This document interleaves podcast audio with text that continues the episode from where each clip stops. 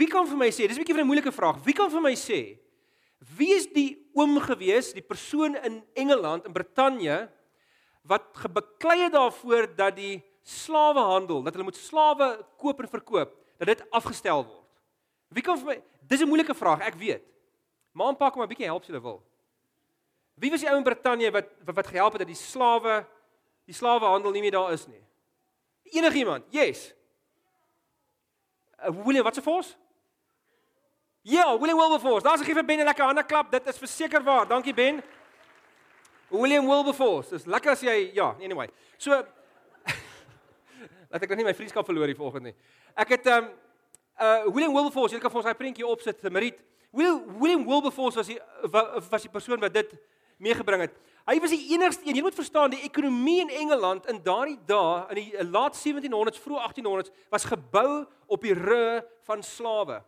Hulle ekonomie was afhanklik geweest van slawe wat vir hulle werk. So hulle het letterlik in Afrika ingegaan, som net ehm um, stamme gevange geneem, hulle na die westerse wêreld toe gebring, nie net Engeland maar ook in Amerika en die gelowige gemeenskap, die Christene was deel daarvan geweest. Hulle was so gekondisioneer dat hulle net nie op daai oomblik regtig kon sien dat dit so vreeslik verkeerd was in die oë van die Here nie. En uh en William Wilberforce het opgestaan en het gesê dit is nie reg nie. Ek wil die die omstandighede waaronder daai mense vervoer is so haglik geweest dat uh, hulle baie van die mense het gesterf op die skepe. Hulle moes letterlik slaap in die aande in hulle eie gemors en hulle eie urine en goeters. Dit dit was dit dit was net dit was 'n absolute onmenslike bedryf geweest. En hier kom ou William Wilberforce en die oomblik toe hy opstaan in uh, die House of Commons wat die die die uh, die Britse parlement was en hy sê van hoor ons moet dit afstel toe het almal vir hom het of hom gelag of hom gesê as jy mal. Ons hele handel, ons hele ekonomie is gebou op die slawehandel. Maar hy het aangehou vir 30 jaar het hy elke jaar en ek bedoel um, hulle sê uit geskrifte en en goed wat ons het sê hulle elke keer wanneer hy die die um, die ding hier op 'n agenda plaas in die House of Commons en boe almal om, hulle gooi met stukkies papier, hulle hulle hulle het hom afgelag, maar hy het siel alleen jaar na jaar na jaar na jaar het hy opgestaan en gesê hierdie is nie reg nie. Hy was 'n voorloper. Hy het gesê ons moet dit verander. Totdat 30 jaar later nadat hy elke jaar die ding geopper het, toe stem hulle toe stem hulle slawehandel uit. Maar dis die belangrike ding. Hy was 'n voorloper geweest. Hy het 'n profetiese stem gehad. Hy was terwyl almal nog teen hom was, terwyl sy medegelowiges nog nie die radikaliteit ingesien het van hierdie geweldige disippelskap van hierdie geweldige agter Jesus aanstap. Dit is nie tipe lewe wat jy moet lei terwyl hulle nog nie dit gesien het nie, het hy die insig gehad. En alhoewel baie dit wel ingesien het, het hulle nie guts gehad om op te staan en te sê dis wat moet gebeur nie. En vriende, Die Jesusbeweging kan nie vooruitgaan sonder voorlopers nie. Sonder mense wat heel eerste opstaan en sê I'll do it. Take the punch. Ek sal die wind van voorvat, maar hierdie moet ons doen. Om die Here se koninkryk te laat kom, moet eenvoudig net gebeur. Hulle het vir William Wilberforce 'n fanatic genoem. Vir al aanvanklike jare. Hulle het hom afgeskryf as iemand wat net eenvoudig fanaties is en wat nie eintlik, jy weet, al sy beddings bymekaar het nie. Hoe kan jy iets doen met 'n hele wat 'n land se hele ekonomie kan sink. Nou wat, wat die, die vraag wat ek vanoggend wil hê ons moet vir onsself vra is as ons nou terugdink na die slawehandeltyd en dink ons ek wil ek dink in elk geval hoe kon jy hoe kon die mense so blind wees? As jy regtig die Bybel gehad het en het regtig Jesus gevolg flat out, hoe kon jy blind wees en daai daai nie sien dat dit Wilberforce voorgestaan het reg en goed was nie? So, dis amper asof asof asof ons vandag terugkyk en dink, was daai ouens mal geweest? Het hulle nie vroeër slaafhandel afgestel het nie, maar hier's die probleem en dis hoe wat ek wil hê ons vanoggend oor dink. Hier's die vraag wat ek wil hê ons oor dink vanmôre. Daar's in elke geslag is daar geleenthede en sekere korrupsies en sekere slegte gewoontes wat eintlik so obviously verkeerd is of geleenthede wat so obviously aangegryp moet word in ons tyd Maar ons sien dit nie omdat ons blind gemaak word deur die suurstof, die kulturele suurstof wat ons elke dag inasem, maar waar ons kinders en kleinkinders dalk eendag gaan sê, "Jee, my oupa en ouma was gek. Hoekom het hulle hierdie goed gesien nie? Hoekom het hulle iets gedoen daaraan nie?" So die vraag wat ek vanmôre vir jou wil vra is, wat is daar in ons samelewing? Wat ons kleinkinders of ons agterkleinkinders eendag na ons kan terugkyk en sê, "Hoekom het my oupa grootjie nie iets gedoen nie aan nie?" Ek voel soms dit so oor apartheid. Weet ons kyk nou terug, soos altyd baie maklik om terug te kyk na ander kultuur toe of na ander tyd toe en sê, "Hallo, is verkeerd." Dik, uh, maar ek en jy word net so veel gekondisioneer deur ons eie tyd. Dat ons nie die die ding in ons tyd raak sien nie. Ek dink baie keer, hoe kan die mense die Bybel lees? Ek wil as jy die Nuwe Testament lees, eh, eh, hoe kan jy so iets as apartheid hoe genaamd regverdig?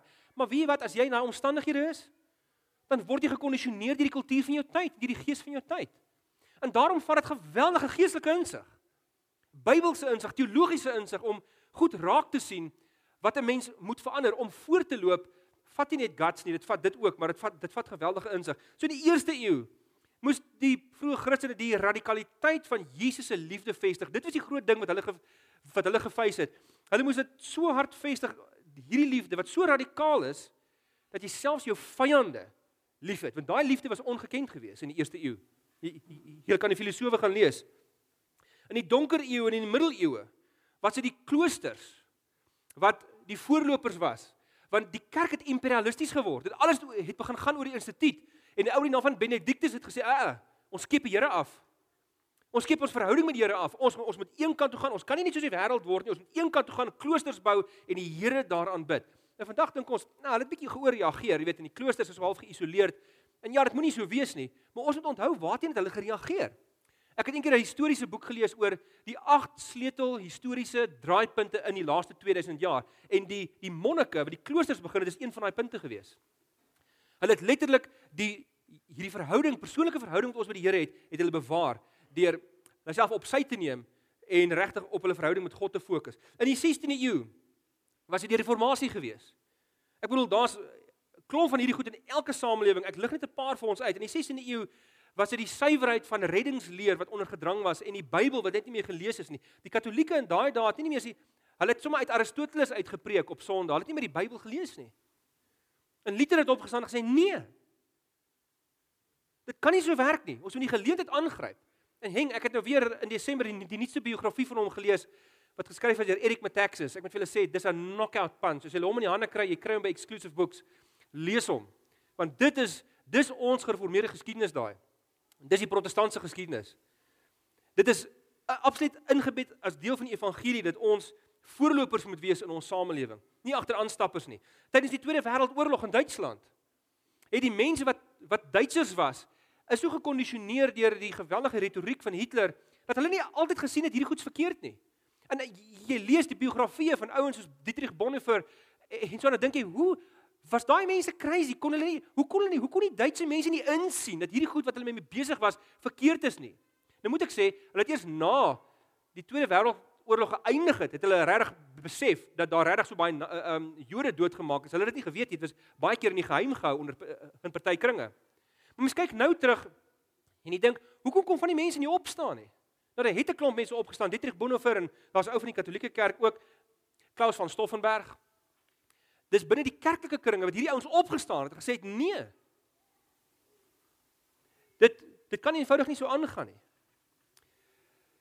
In die 60er jare was dit die groot fight vir gelykheid van alle mense. Martin Luther King, so bietjie voor hom Gandhi, hulle was eintlik tydgenote ook geweest. Wat eenvoudig opgestaan het gesê nee. Ons moet 'n verskil maak. Ons moet iets doen in die wêreld. So die die vraag wat ek vir ons wil vra vanmôre is: Wat is daar wat ons nou verblind is in ons samelewing? Wat oor 50, 60, 80 jaar so belangrik gaan wees? dat mense gaan na terugkyk en sê Jesusie as die mense net in in 2019 begin het daarmee dan sou ons 'n ander wêreld gehad het vandag. En daarom hierdie ding gaan oor leierskap en daarom het John Maxwell hierdie is my gunsteling, dis my gunsteling aanhaling oor leierskap. Hoe lyk 'n voorloper? Hoe lyk 'n leier? John Maxwell sê die volgende, hy haal, hy haal eintlik iemand hier aan, maar ek kon nie uitvind wie hy aanhaal nie. Hy sê die volgende, hy sê 95% of all the leadership decisions you'll ever make could as well be made by a reasonably intelligent high school sophomore. But they'll pay you for the other 5%. Bedoelende, wat maak 'n leier 'n leier?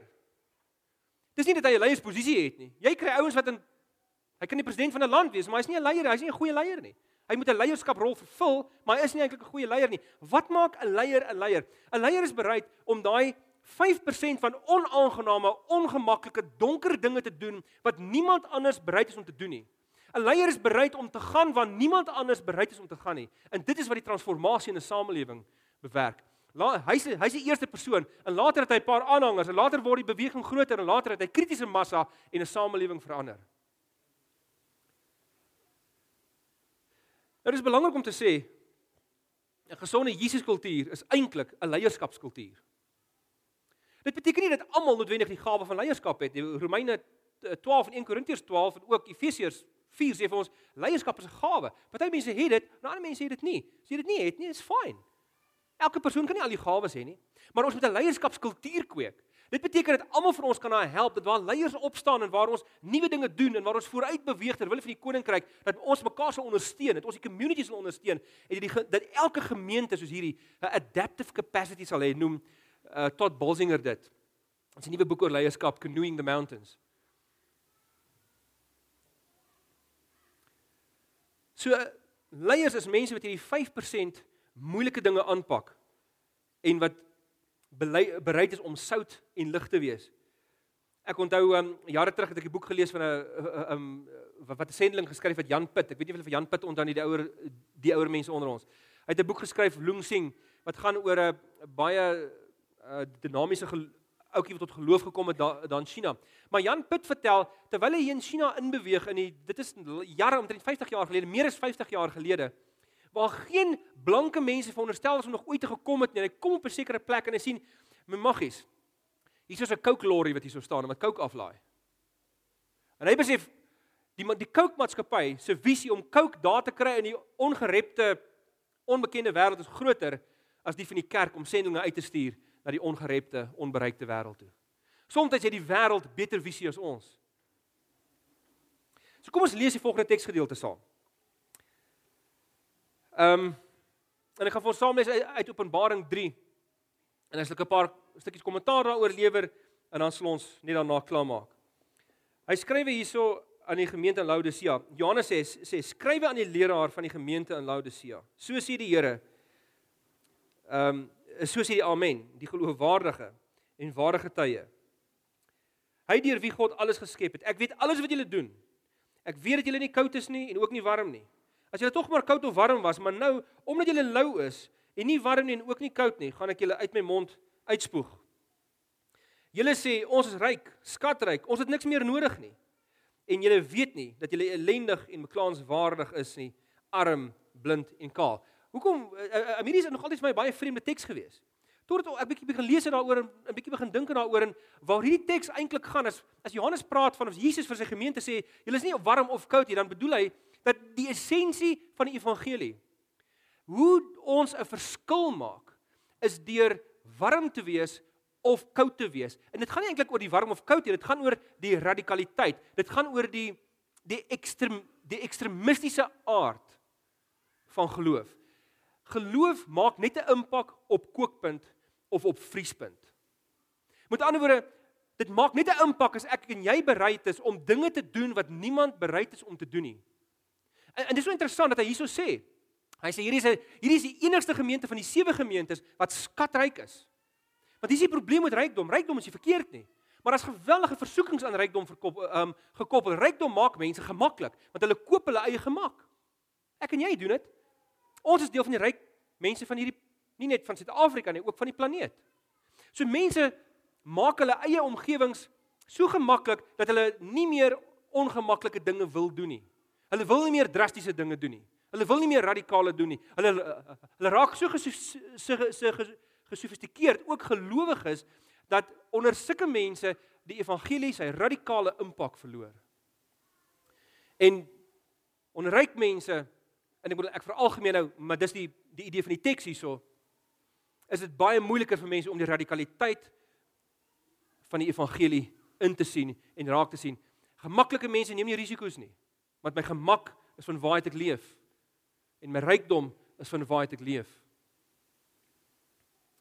So Johannes se punt is hierso. Jy weet, as jy maar net koud of warm was en dan sê die Here vir hulle interessante ding. Hy sê omdat jy lou is, met ander woorde jy is so half gebalanseerd. Ek bedoel, wat is die balans tussen koud en koud en warm? Dis lou. En mense sê altyd, o, mens moet net gebalanseerd wees. Eh, en o, sommige opsigte moet jy gebalanseerd wees natuurlik. Nie as dit by geloof kom nie. As dit by geloof kom, moet jy radikaal ongebalanseerd wees. Jy moet warm wees of jy moet koud wees.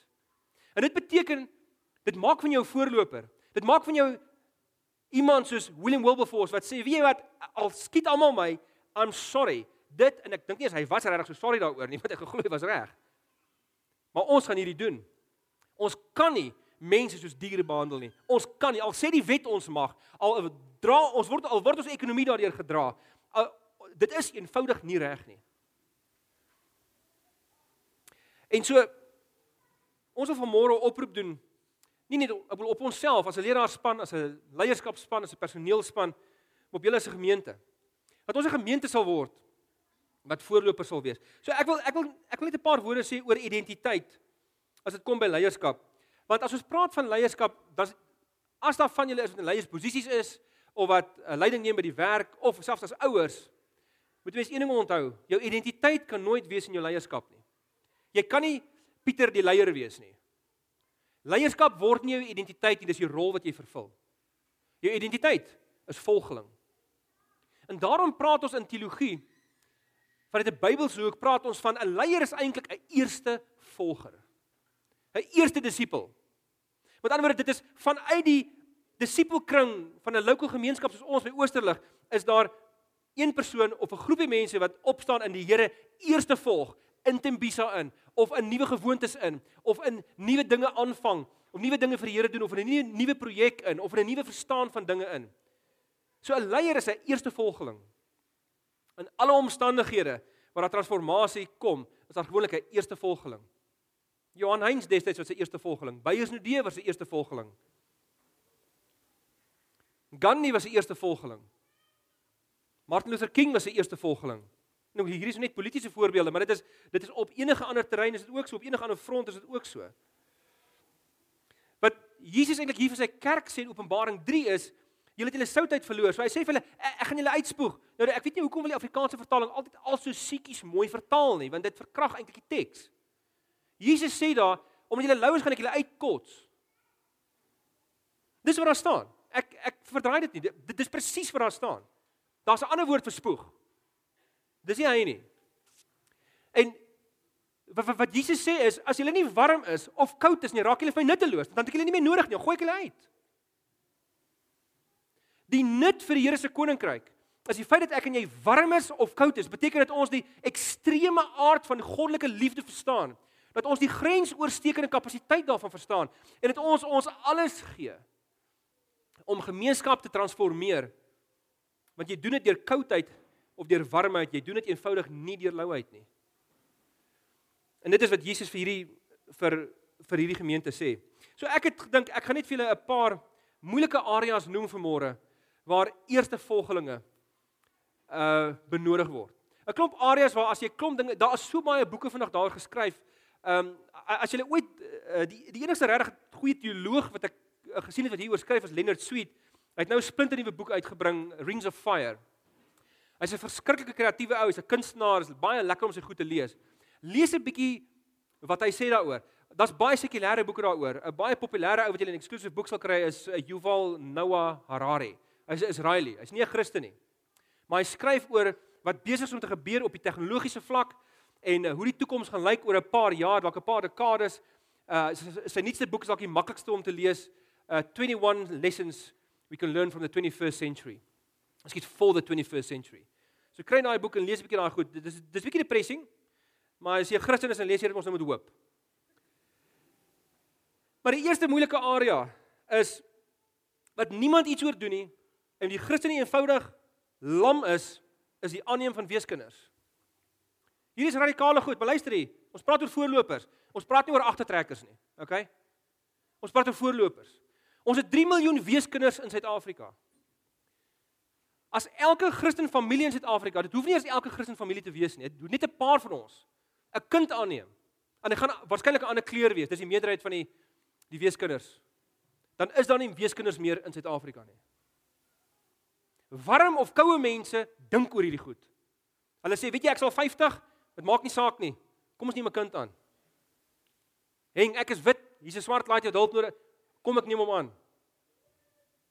Vriende, dit is 'n krisis in Suid-Afrika en as ek en jy regtig die geleentheid in hierdie multikulturele Suid-Afrika wil aangryp om die lig van die Here sterker te skyn as ooit tevore dat die ongelowige wêreld na ons kyk en sê, "Yes, daar moet iets in Christus wees."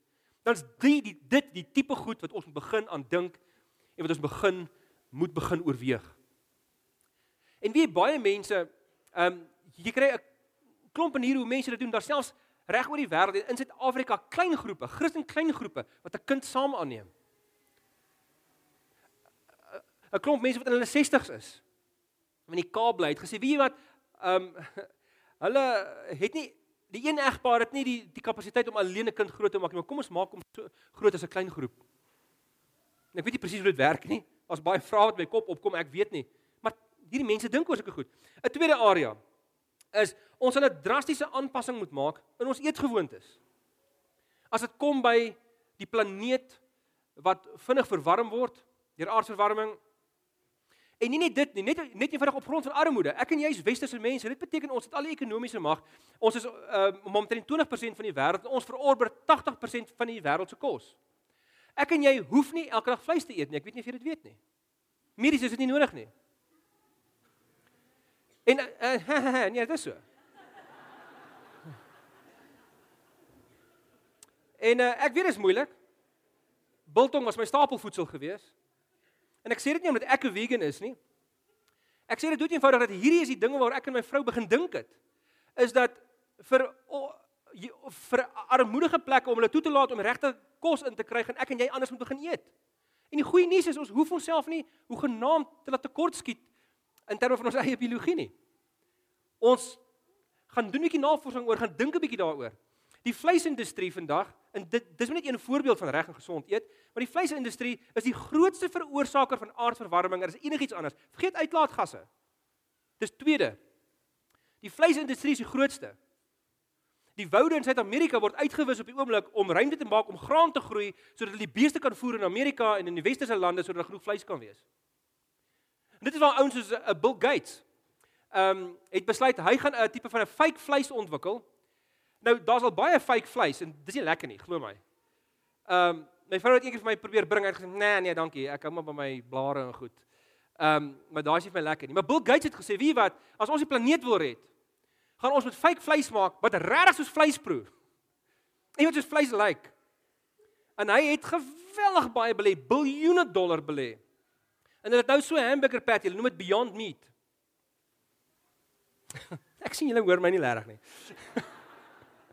hierdie is Rudolf, ons praat van voorlopers, okay? As ons wil voorstap, hierdie is goed waar ons moet dink. Want kom ek sê nou, jou agterkleinkinders gaan sê, "Blikskol daai oupa van my, hy wil net vleis vreet." Nou moet sit ons met die gebakte pere vandag. Ek sê vir julle, dis goed waar ons moet dink. Dit dit is maar al. Ons wil voorlopers wees. Um 'n derde punt wat ek sien julle koop nie hierdie ene nie. 'n Derde ene, drastiese aanpassing in ander lewensareas. Weet jy, ek eendag in Engeland was, het 'n ding my regtig aangegryp.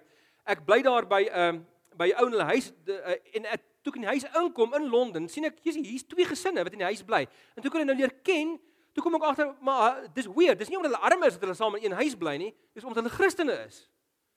Ek sê toe ek sê toe vir hulle hoekom nou what's the thing about living together as two families? En is al twee uh in hulle 30's en hulle kinders. Hulle sê nee, hulle het besef, ehm um, die volgende wêreldoorlog as as so iets gaan wees, ons hoop jy dit hoop jy dit gebeur nie, maar gaan heel waarskynlik oor water wees of oor spasie. Arme mense het nie spasie nie. En hulle gaan al hoe minder spasie begin hê. So ons moet begin leer, sê hulle, ons westerse mense moet begin leer om in kleiner spasies saam met mekaar te leef. Hoe radikaal is dit? En ek sê vir julle, dit dis nie altyd maklik nie. Maar gesinne moet begin huise deel met ander gesinne net omdat jy jou selfsugtigheid op die altaar plaas. Sê my gemak is nie alles nie. Party mense leef in 'n dingetjie so groot soos jy weet 'n omtrent 'n vierkante meter. Ek kan 'n bietjie spasie afstaan. Dis ding om oor te dink hierdie, vriende. Ek weet hierdie is ek klink soos William Wilberforce. I know. Gooi my met iets. Dis reg, maar voorlopers dink eenvoudig oor hierdie soort van goed. En ehm um, dit dit is dinge wat ons uh, kan ignoreer as ons wil, Maar ons kleinkinders en agterkleinkinders gaan nie die gevolge misloop nie. Hulle gaan nie. Hulle gaan die vrugte pluk van my en jou besluite wat ons vandag neem. 'n Volgende enetjie is minimalisme. Ons weet ons het al hieroor gepraat in die verlede. Minimalisme is die omgekeerde van materialisme. Met materialisme en ons is maar almal het haal elke dag materialistiese suurstof in.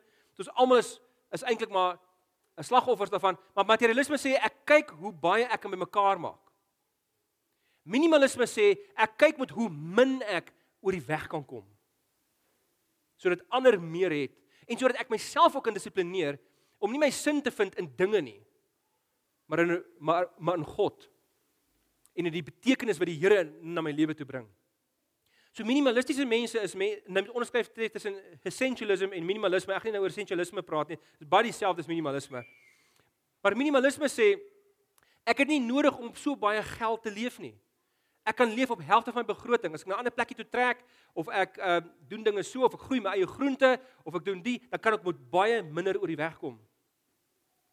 So so hierdie is mense wat sê ek, ek wil met die minimum hoeveelheid goed oor die weg kom. Beteken nie almal trek in shacks in nie. Dit glad nie wat dit beteken nie. Dit beteken net dinge en verbruikers gewoontes is nie meer jou identiteit nie.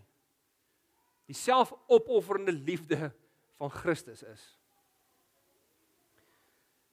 'n Volgende enetjie. 'n Drastiese kommitment en vrygewigheid teenoor plaaslike gemeentes en dit en dit gaan nie net vir gemeente wees nie. Dit geld ook vir welsynsorganisasies. Maar waarom ek gemeentes hier ingesit het, is vriende, ek glo passievol hierin. Dis hoekom ek 'n pos hier aanvaar het by Oosterlig terwyl ek 'n klomp ander goedes gedoen het, want ek glo passievol oor die plaaslike oor die krag en die potensiaal van die plaaslike gemeente. Kom ek sê vir jou, die samelewing is besig om al hoe verder en verder weg te beweeg van die waardes van die koninkryk en van die waardes van die Bybel.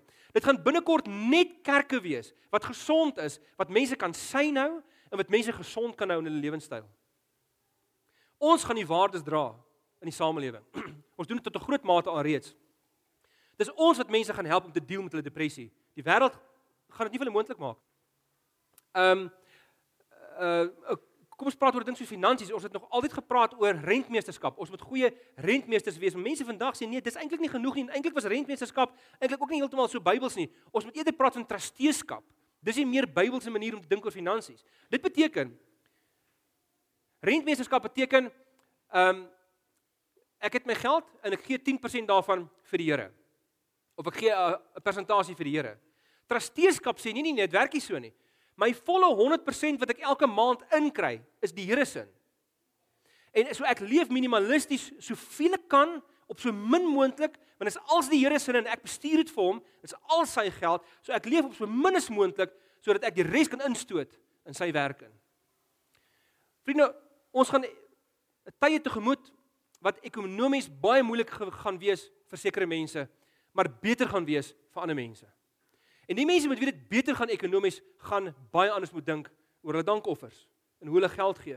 Hulle moet hulle moet soveel as moontlik gee. 20%, 50%. Sodat die Christus community kan aangaan, sodat ons ons werk kan doen, sodat ons vir mense kan hoop gee in hierdie tyd. Mense gaan moet drasties begin anders dink oor hulle kerk commitments, oor hulle gemeente commitments. 'n Volgende enetjie is 'n dringende aanleer van samewerking met mense van ander oortuigings. Om hierdie wêreld 'n beter plek te maak, gaan ons moet saamwerk met ander mense. En dit gaan deel van ons lig wees wat ons skyn in hoe verhoudingsintelligent ons is. Want ongelukkig kan ons nie, ons sit baie keer met 'n met 'n tipe van 'n besmettingsteologie wat glo as ek met 'n moslim chat of net saam met hom lunch dan gaan ek besmet word. Ons moet daai is fariseer teologie. Jesus en die disippels het dit nie gehad nie. Ons moet leer om saam te werk met mense wat radikaal anders as dink as ek met mense wat ander geloofs-oortuigings, mense wat agnosties is of mense wat ateïsties is of mense wat uh, wat hindoe is of wat 'n boeddhis is en ons gaan moet leer om saam met hulle te kuier om met hulle community te hê en ons gaan op daai manier moet 'n verskil maak in die wêreld. Ons het voorlopers nodig. Ons het mense wat sê I'll go first.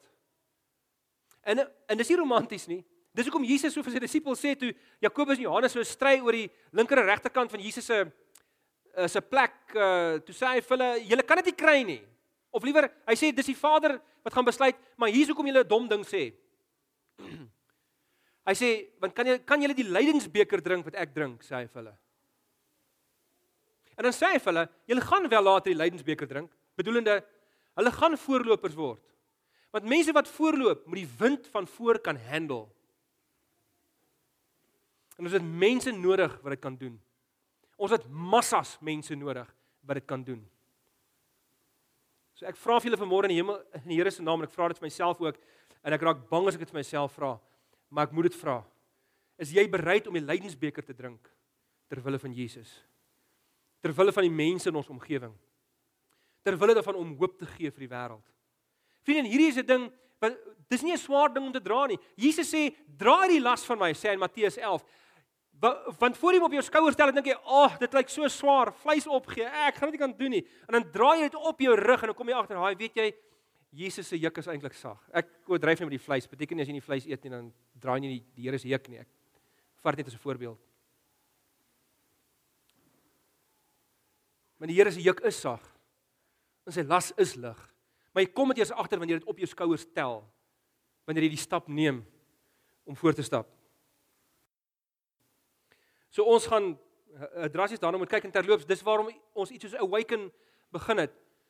Ons as leraarspan en as daar van julle is wat nog graag wil inskryf vir Awaken die 13 en die 14 September, julle is regtig welkom. Ons een hele hoofstuk wy ons aan hoe praat jy? Hoe hoe hoe kommunikeer jy op 'n intelligente manier oor die geloof? Wat ons begin met die wat ons bring by die volgende punt. Dit is 'n dringende aanleer van intelligente gesprek in die publieke arena.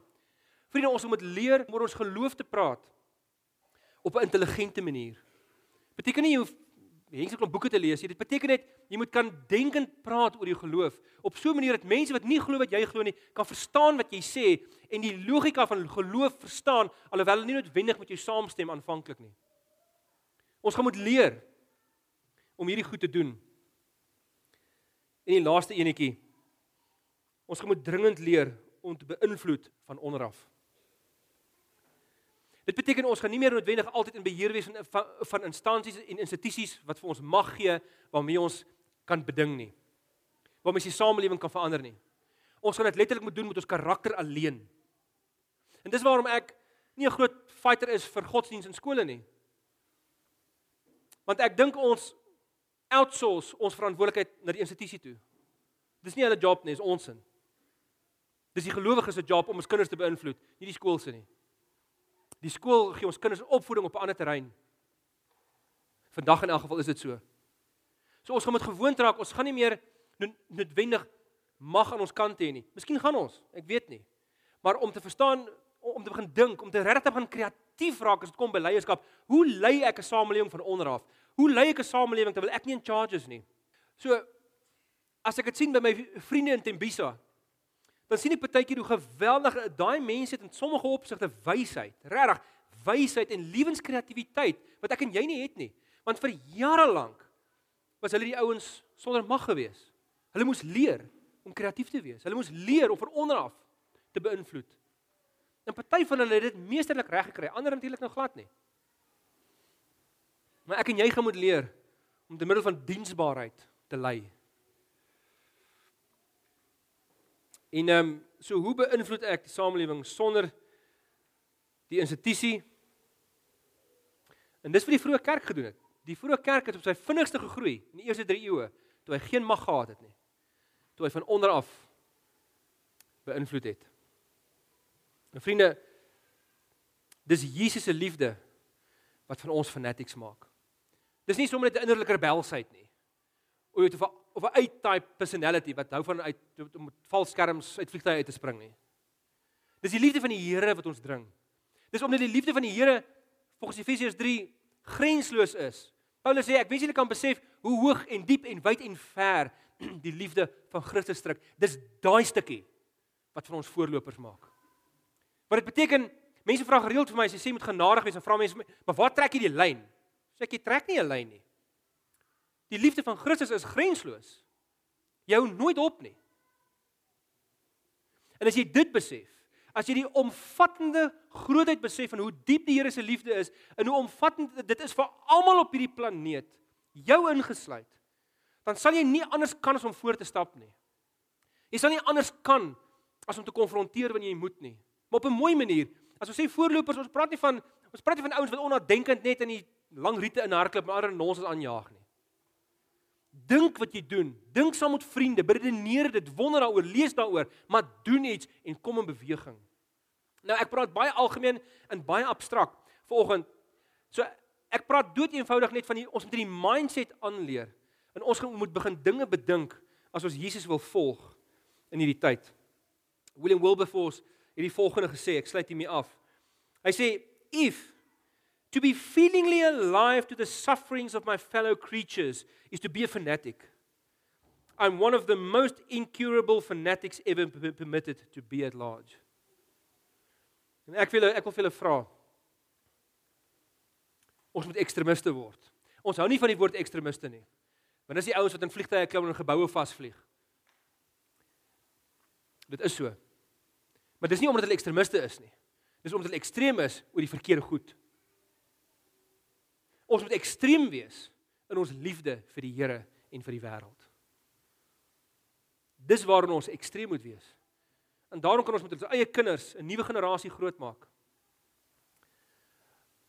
Wat wat hierdie wêreld kan verander en ons kan dit saam met hulle doen.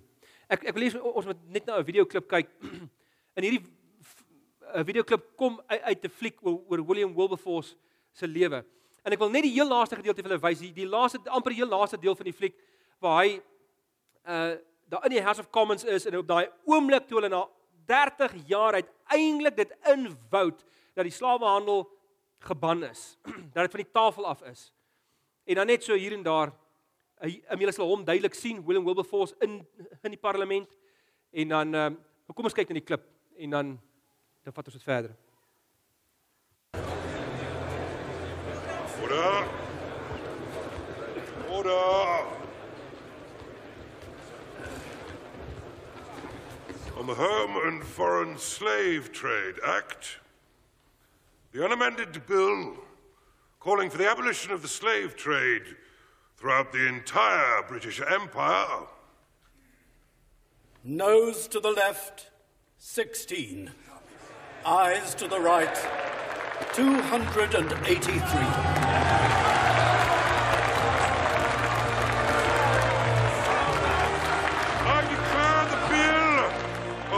Abolition of the slave trade to be passed.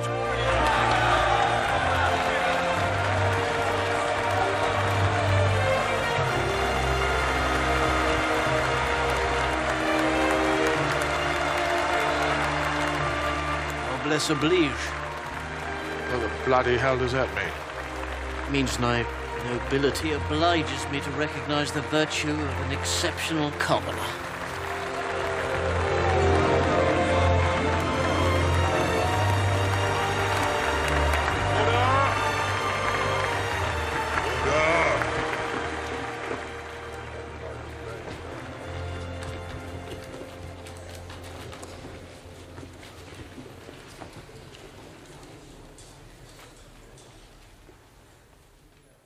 When people speak of great men, they think of men like Napoleon, men of violence. Rarely do they think of peaceful men. But contrast the reception they will receive when they return home from their battles. Napoleon will arrive in pomp and in power, a man who's achieved the very summit of earthly ambition and yet his dreams will be haunted by the oppressions of war. William Wilberforce, however, will return to his family, lay his head on his pillow,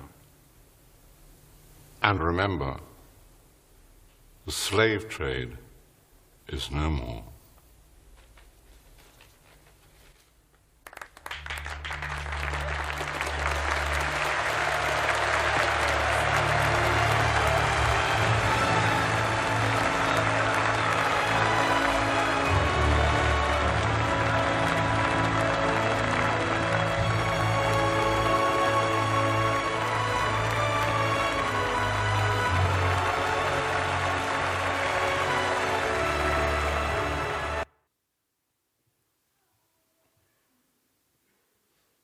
Aan die einde kon julle sien selfs sy teenstanders moes hom erkenning gee.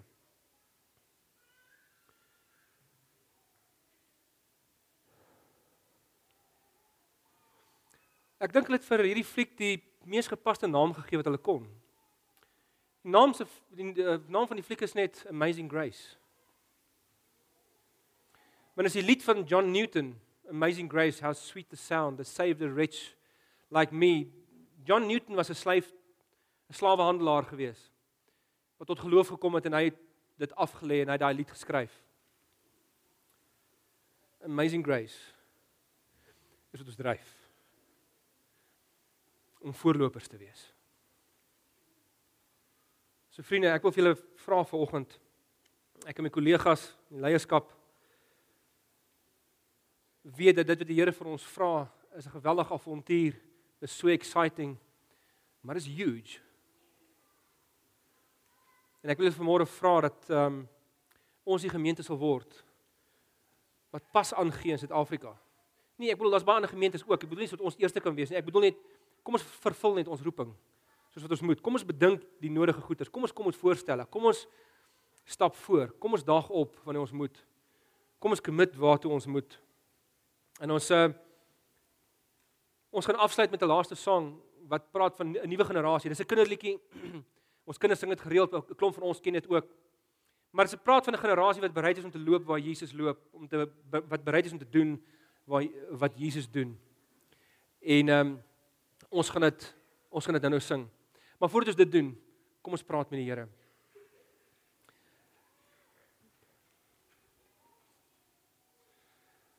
Lewende Here.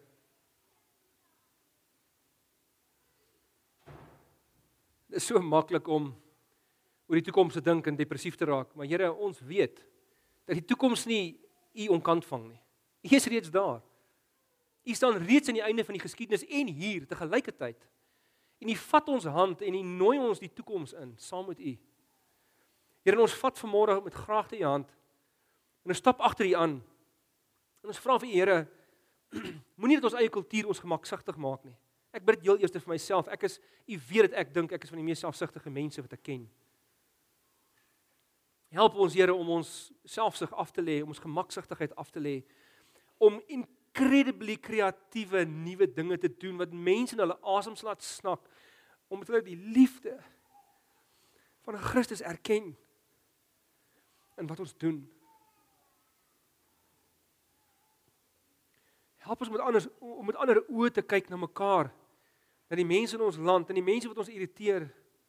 Die mense wat by die verkeersligte staan. Na ons kinders, wat 'n soort kinders ons grootmaak. Here en U weet dit is vir ons so belangrik om ons kinders veilig te hou en ons weet dit is ook reg so. Maar ons moet hulle terselfdertyd leer om ongelooflike risiko's te neem vir U. Laat hulle daai voorbeeld by ons sien. Here maak hierdie wêreld heel en gebruik ons. Skep 'n nuwe generasie waarvan ons ook graag wil deel wees. Maar regtig bereid is om te stap waar U stap. Ons bid dit, Here. Net alleen omdat U gekom het vir ons. Want sonder U fanatisisme, sonder U fanatiese liefde sou ons nie hier gewees het nie. En daarom in U naam vra ons dit. En almal antwoord saam. Amen.